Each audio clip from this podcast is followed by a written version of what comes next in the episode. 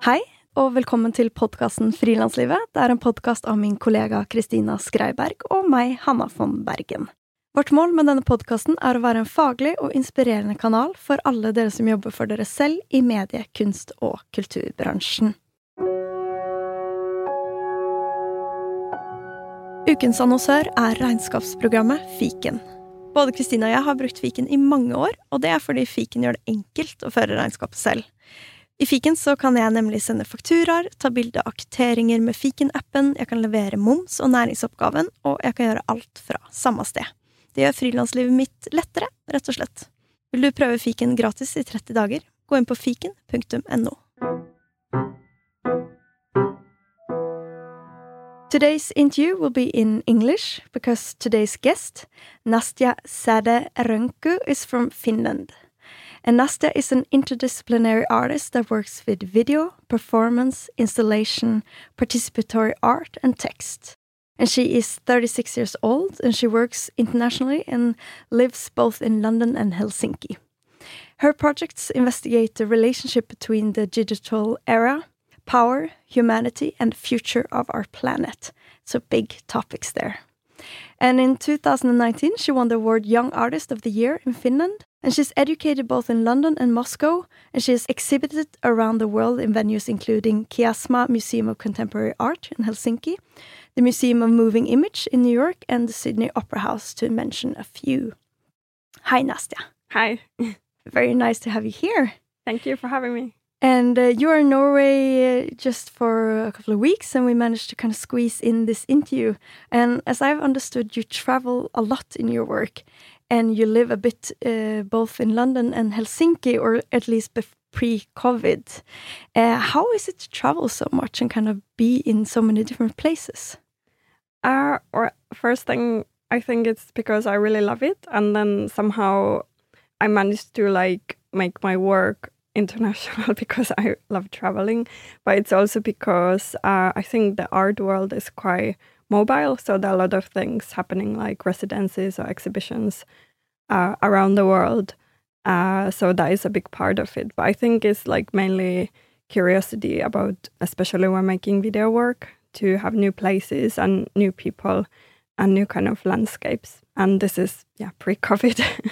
and I I get very curious. Um around kind of how you how you live and work. It's a very broad topic yeah. but uh, uh, if you're always like on the move or how is it to kind of build something a base or a foundation from somewhere uh, but being out and traveling all the time? It could be with uh, like um, a partner or just friends and kind of having uh, habits and all that. How how do you find the difference between being at home, so to say, and kind of going out?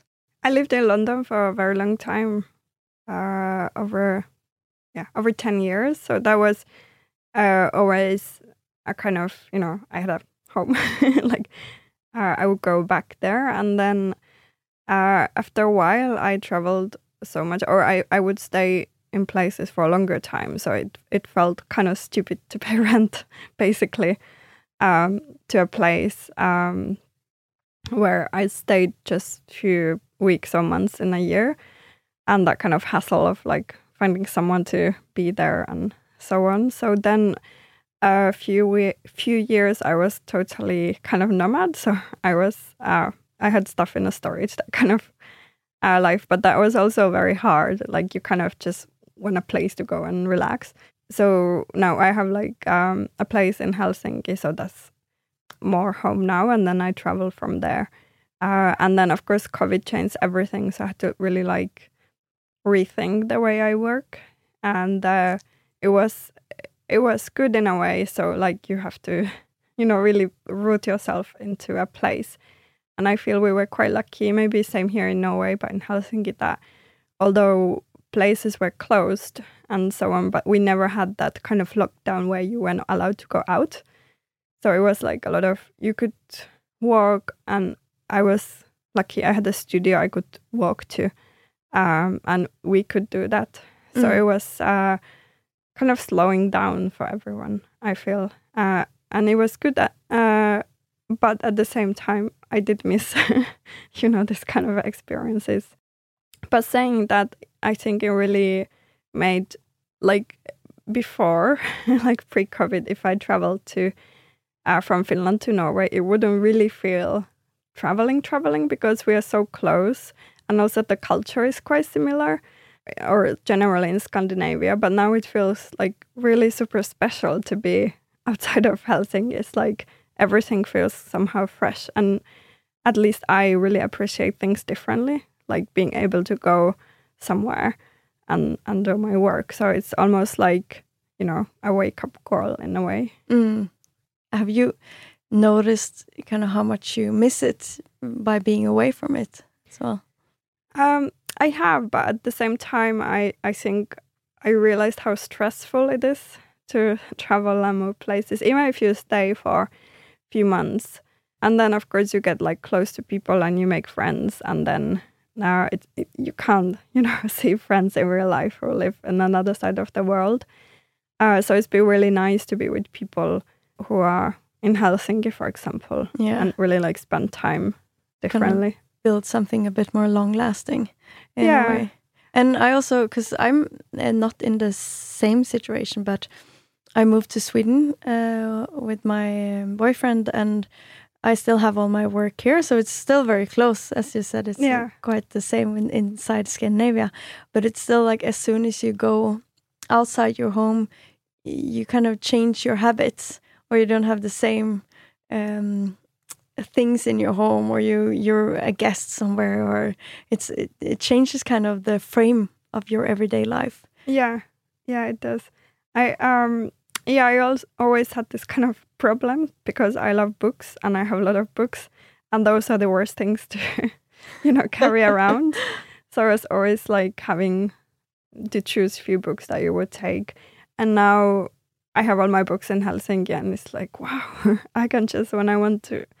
Uh, even like you i read a, a lot for my work so i need some kind of reference and i can just walk to the bookshelf and have it instead of being like oh where is that book? Or what do i google? Where do i get it? So it's like also little things that you, you kind of try to appreciate when you can't move so much i think. Mm.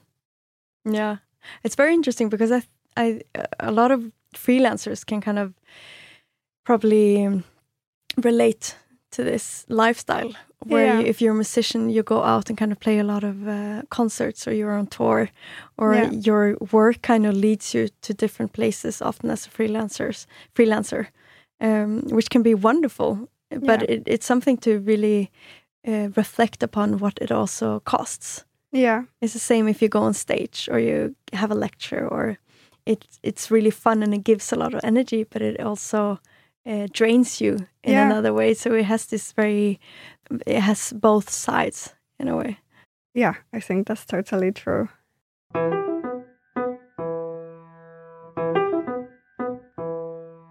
in your artwork titled Six Months Without, you lived entirely without the internet in London for six months. And everything from personal to professional communication, navigating a city, socializing, and working happened offline. And uh, this uh, work was done between 2018 and 2019. And I'm really, really curious to hear more about this project. Uh, this is very bold in in our way of living where internet you're so kind of codependent on the internet for everything you do paying bills and yeah answering work emails and getting together with friends um why did you want to do this project Uh, I get asked that a lot. it was um, it was quite old idea, even like 2014 or something, and I, obviously I couldn't do it before 2018 because of the emails and everything.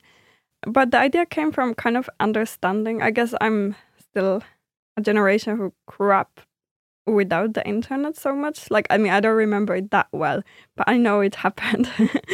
uh, because internet is only like I think it's like 30 years old. So it's very young thing. And I was like, it has entirely, completely changed our society. Like the way we work, um, the way we socialize, the way we create relationships, the way we, yeah, even travel. Like everything has changed so much.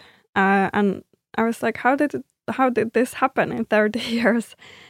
And then from there, I started to think about like, what if it collapsed or crashed, which is, you know, totally, it has happened, it can happen. It's not so difficult to, for the internet to collapse. And then I started to research all these different aspects and think about how would society be if uh, not like going back to pre-internet, but if internet was like limited or challenged, which it is in some countries already, uh, and that just led into a rabbit hole of different kind of aspects. Like I didn't know before 2018 how. Um, I mean, now it's obvious when you think about it how much electricity and uh, infrastructure there is to to have a uh, to have the internet, but like how damaging it is for the environment and like all this like uh, watching YouTube videos, how you know bad it is exactly, and all these things were quite new to me, and they were not really, you know, like everyone reads and thinks about like how bad flying is, and it's not even everyone knows, but not really that many people know that that like using the internet is equally mm, damaging. Yeah, you don't think about all the uh, online storing in a way that you have yeah. on different clouds, and uh, that that actually needs to be have a server. Yeah, uh, in uh, like a server kind of village almost somewhere yeah. in the world to yeah. be kept safe and kind of being able to be uploaded. Yeah, yeah, all all the cooling systems and the mining and uh, data centers and yeah it's like underwater cables. It's just so much stuff that is kind of hidden. Uh, and and for us at least in Europe and other places it's so easy to go online. It's like available everywhere. You don't really think about it when you like Google stuff. So it's like the starting point was like how long could I be without the internet? I was like a week feels weird but like I could do a week and then I was like, could I do a month? I was like, well, I'm not quite sure. And from there, six months was like, uh, it was long enough for, for me really to change and for me really to understand if I could do it or how it would work. But at the same time, uh, I didn't want to become like a hermit or somewhere. So a year felt never to be seen again. yeah, I mean, a year was another option, but it, it, was not possible. And six months felt quite like a nice time and quite beautiful in a way. Period. Uh, and I decided to do that in in London because it had to be a big city. So I didn't want to uh, be in a countryside. Like it would be almost like retreat and too peaceful. So it had to be really in a uh, in a place that was kind of home and familiar, but at the same time a place like I don't know if say if I got lost in a part of the city I didn't know and I didn't have a phone, uh, it need to be challenging. Uh, I think in Helsinki I would just know how to, you know, I would know without asking anyone where how to get home. But in London, it's always a possibility that you are somewhere in the middle of nowhere.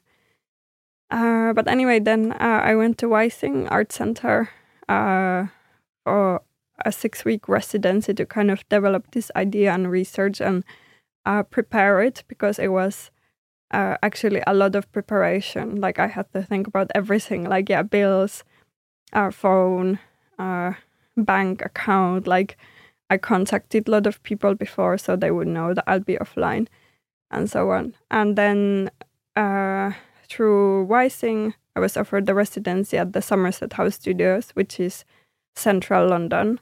And I had a studio there where I would kind of go every day, uh, commute every day. Um, yeah, for six months. How did like a normal day look like during this six months? And how was it just first first days? How was the feeling? Um, the feeling was the first days I was kind of really excited and empowered and terrified at the same time. I was like, this is crazy. What am I doing? Like, this is never going to work. And it took, I think it took really like three weeks to a month that I really got used to the routine. And the routine was like, uh, I went to my studio in the morning and uh, a lot of people asked like, what do I do? So okay, before I say that, I should say that I set up an out of office reply into my email. So whoever emailed me during that time would get an automated email back that explained the project a little bit. Uh, then it had my studio address at the Somerset House, uh, and it said that people should either come to visit me or send me a letter, like old-fashioned letter on the mail. And what happened was that I started to get a crazy amount of letters from people oh. all over ah, the world, like oh. people I didn't know, of course, like friends and people I knew. But I would receive maybe like two to 10 letters a day. Whoa. Most days. There were a few days, of course, like I didn't get any.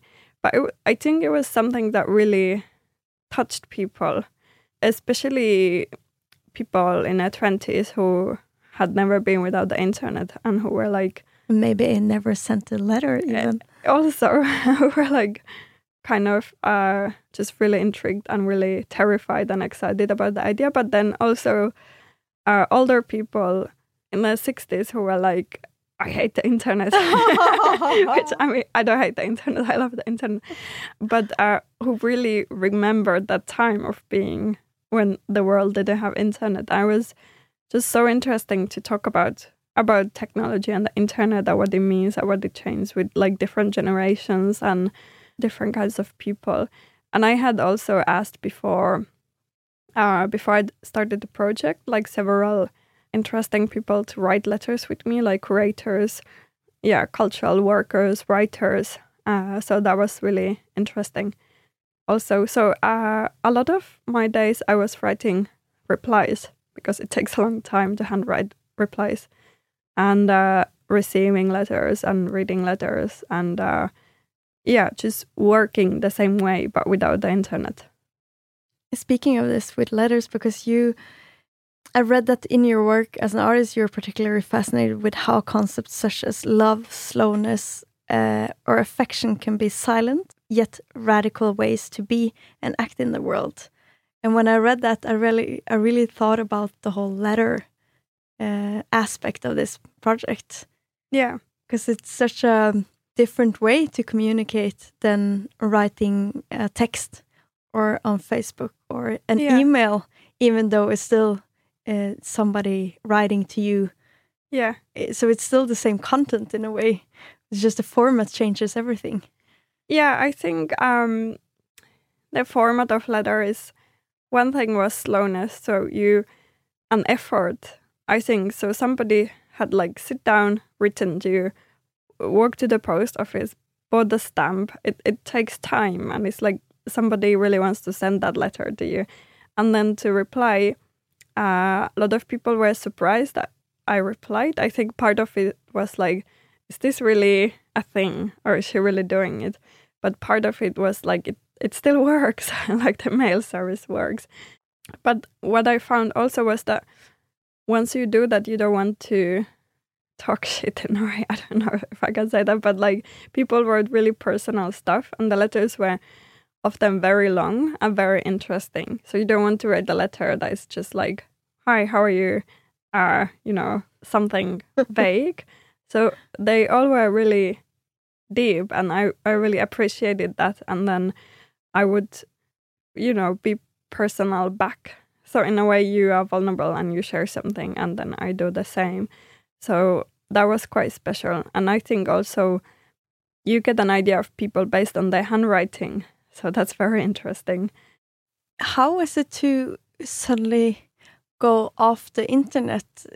Kind of, uh, did you notice any change within yourself? Actually, yeah, a lot. I have to say that uh, I kind of hoped that I, not hope that it wouldn't happen, but I thought like, is it really, does it really affect our us so much in terms of our our I don't know inner peace. That sounds horrible, but I really did. Like I was way more relaxed and calm, and I wasn't so anxious, and I felt that I could concentrate. Like if I read the book, I was like, okay, I can actually read the whole book in a few days. Now I feel like if I read a book, it takes forever because there's always like emails to answer, people to chat with, or or something. Yeah, your mind kind of goes off in different directions. Yeah, very easily.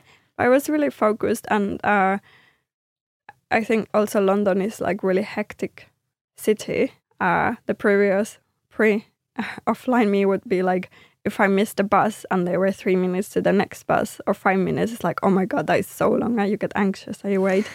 And then I got really over that. I was like, five minutes is nothing. Like it's fine.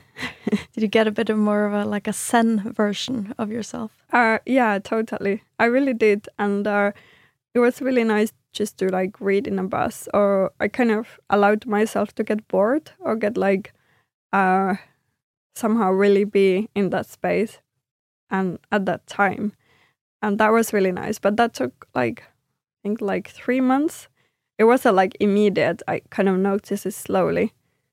Uh, so it took time, definitely. Because mm. I can also imagine just in the beginning that uh, it's almost like an itching feeling of, you know, needing to watch something or yeah. uh, kind of check up on this or that. Or it's because we have this feeling that, ah, we just kind of jumps into our head that we need to check something. Yeah that's exactly that's exactly the thing that I got rid of. Uh, that was hard to get rid of. Like even after like three four months, I would check like where's my phone. Oh, like just wow. automatically, and then it's like oh, like very quickly you're like oh I don't you know I don't have it or I don't need it. Yeah.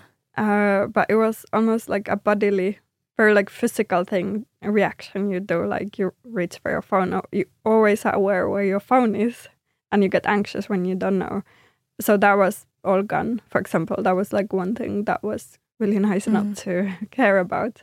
In many ways, it just sounds amazing.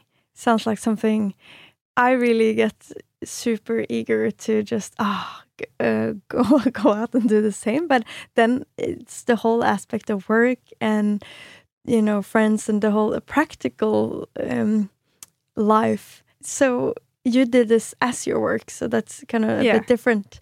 Uh, but how, what parts of this project have you implemented now, like afterwards? I try to keep things like not looking at the phone at night or like when you go to bed, you just go to bed. Of course, that didn't work. but uh, yeah, things like that. Like well, maybe things like if I'm with people or with somebody, like I don't look at my phone. I mean, unless uh, there is something I need to do. But generally, I try to like, uh, not to look at my phone when I'm like with friends or something. But that might be like what everyone does. I don't know. No, I don't think that's what everyone does. Yeah, but it's yeah to be what you, to be in what you're in at yeah. the moment to kind of be present. Yeah, I think to be present that is uh, yeah, that is a good thing. But I mean, it was really, really hard at the same time. Like, I felt very lonely at times because although I knew, like, my friends were really sweet, like, they would like come and tell me like oh i bought tickets to go to this gig or something because like they wouldn't tech, um, message me uh, or i would get letter like inv- invite letters via mail like uh, it was very nice but at the same time i was like feeling that I missed out all the time. And I think that was just like, I'm not sure exactly what I felt I missed out, but I felt like this kind of anxiousness about something's happening and I'm not there. Yeah, you can take part, you, you're not part of what everybody yeah, else you're uh, not is part, part of, of the world. Yeah. Yeah. Because it's really hard to choose to um, be less uh, dependent yeah. on the internet or on in, on smartphones or you, yeah because you kind of choose to take a step out, outside yeah. of um, everyone uh, everybody else. Yeah and i still like i would buy the newspaper almost every day so it was a, like i was totally unaware of what's happening but it still didn't feel the same. Uh like that it still felt like i was somewhere outside almost. Mm what I found really uh, interesting about this project is that it's um, we all kind of know it, but yeah, we don't really do that much about it. Maybe we try to kind of read a book instead of watching a TV show, or yeah, but it's it's like a habit that kind of creeps up on you. Yeah, and you need to be quite harsh with yourself, and it takes a lot to uh, distance yourself from your own yeah. kind of from your habits that you don't didn't know that you established even. yeah it's yeah it's definitely that thing. Everyone knows it. E- even like 2018 or 19 it was a like we knew we knew and we know how, how it affects us in terms of yeah anxiousness and sleep deprivation and all those things. But it's like really it's really really hard not to be online. Like even for for 24 hours Mm. What what was the goal, or what do you want other people to kind of, um, what kind of effect did you aim for? Uh, well, it was kind of hard to know what it would be before I started, but uh, we were filming a lot of it. So uh, if you saw an exhibition, this work would be to like video documentations of, of the six months and uh, the letters and you know things like that. Uh, but the goal was really to to think about the change uh, the, the internet has uh, made or the change that happened by the internet and technology and social media in our lives on on a personal or like through personal level and yeah on a wider kind of context also I was super inspired by this project, and will really try to kind of have a look at my own uh, internet habits. What do you find uh, being the best part of being a freelancer? i think it sounds a bit of a cliche but i think it's that freedom so i guess being your you know of course i have deadlines i have things to do and i have like horrible boring things like taxis like we all do. But at the same time it's uh, it's still different kind of freedom than uh, going to the same place same time and someone else kind of telling you what to do. So i think that's the only way i can work now with this with Mm. making art. And how much do you work? It's a, probably a bit of a hard question to answer, but it's always interesting to kind of hear how you structure kind of being on and being off in a way. Uh, yeah, I'm I'm actually really bad with that because I work a lot and then um, it's really I think also because my work is so personal and it's so uh, kind of overwhelming and overtaking my life. So I don't have I don't necessarily have this on and off switch.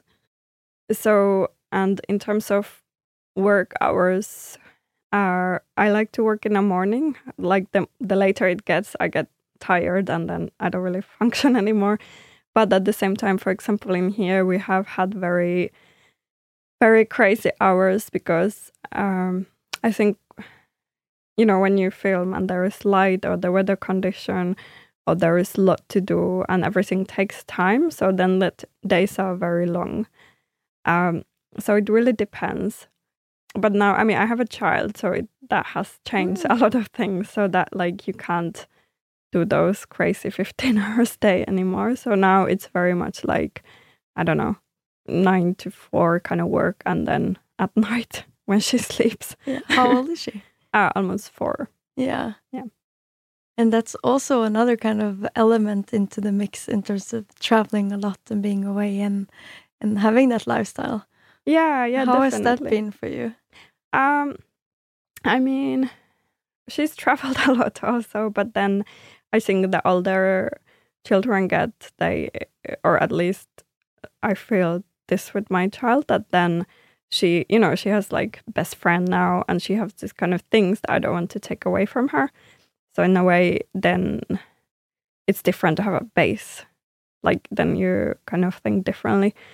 But then, for example, when I did this project six months without in London, um, you know, we were there for like six months. So that's kind of then you just take the kid with you, I guess. Yeah. So she follows uh, you and she follows the art. Yeah, sometimes. And what do you find most challenging about being a freelancer? Um, I think it's that like kind of constant worry about money. Like even even when things are good, you always have at the back of your head. But I think it's also my generation or people like younger than me, it's like this kind of idea of a job that you have for life and you have pension and whatnot is kind of doesn't really exist so much anymore. Uh, but yeah, it is that thing like, what if I can't do next project because there is no one funding, or what if I can't pay my housing? I think is that uh, that kind of worry that is always somehow there. Uh, I can't really think of anything else that I don't I don't mm. like. Yeah. Uh, and also maybe this is smaller, but like this thing that you do everything. Like you have to, you know, you, you can have a bookkeeper and you can have this, that, and that. But at the at the same time, you are kind of responsible for everything, and you have to think about all these different aspects that are not strictly your work. Like yeah. I would ideally just think about my art, but like that's obviously not possible.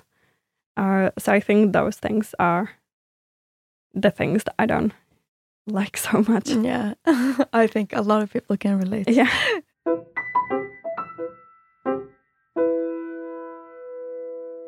Another very interesting artwork that you have done that I'm very keen to hear more about is titled For Those Yet to Be from 2016 to 18. You made short video clips from 27 places in the world that has been destroyed by human um, actions. And each place you hold up a cardboard sign with a message to future generations. And this project was exhibited in Norway last autumn and winter in different train stations in Norway. Can you tell us a bit more about this particular project? Uh, what did you want to explore? Yeah, I think for especially this one started with traveling and with writing. So when I uh, think about ideas for art projects or when I travel, I write a lot. Uh, and uh, at the time, I read something about the Colorado River turning, I think it was yellow or something. It completely changed it, its color because there was a, a leak from mining. And I started to think all this landscape and places that um, we have somehow damaged through our activities. And then it was just like they're everywhere, kind of. But at the same time, I didn't really want to show this kind of, you know, uh, ugly places, or a lot of trash, or this kind of landscape. So um, I went to places like glaciers that are very beautiful and epic. And the, the language refers to somehow demonstrations or protest. But the signs I was holding, they were um, kind of very poetic. So they were somehow ambiguous, loose messages for mainly for us, but also for future generations. Can you mention an example of a place and kind of what is what the sign says? Uh, well, the first place uh, I went to was actually in Finland, in Lapland. It was this very beautiful swamp that they were kind of selling for, to a mining company. Uh, and I like this kind of magic hour in the morning. It's around like 5, 6 a.m. so it's kind of hard to wake up. It's very beautiful light. And I went there and the sign said something about karma. And at the same time, this epic rainbow just came on, on camera behind me. And I was like, it was very beautiful, but that somehow stuck to my um, memory. How did you get the idea for this uh, this artwork? Uh, for this project, I think it was the um, article about the Colorado River that I mentioned earlier, where the uh, the whole landscape changed. But then, obviously, I think the times we live, uh, this is our reality now that we have, you know, pandemic and natural disasters and climate has changed and so on. So in a way, that is the reality of my work. But at the same time, it's kind of like grieving for the for the things that we lost or we are losing, and also this worry for the future of people and other species, but also like uh, this kind of hope we have at the same time. So all those things and emotions were uh, present in this work. Uh, I, I, I can never really exactly say where idea comes. It might be like a little thought or a little text or something and then i start developing it into like thinking how it would actually work as a like finished project mm. and you mentioned that you travel a lot in your work as well and you love to travel how has it been to kind of work with um, a project that shows the climate crisis whilst also traveling a lot. Yeah, um, I've been asked that uh, quite a lot, but then it's not. I mean, obviously, like flying is bad, but then we can't really. I mean, everything is a choice. Like eating meat is bad. Fashion industry is terrible. Using the internet is actually really, really is worse than flying. In a way, I think you try to do the least bad with what you can, and then you make choices.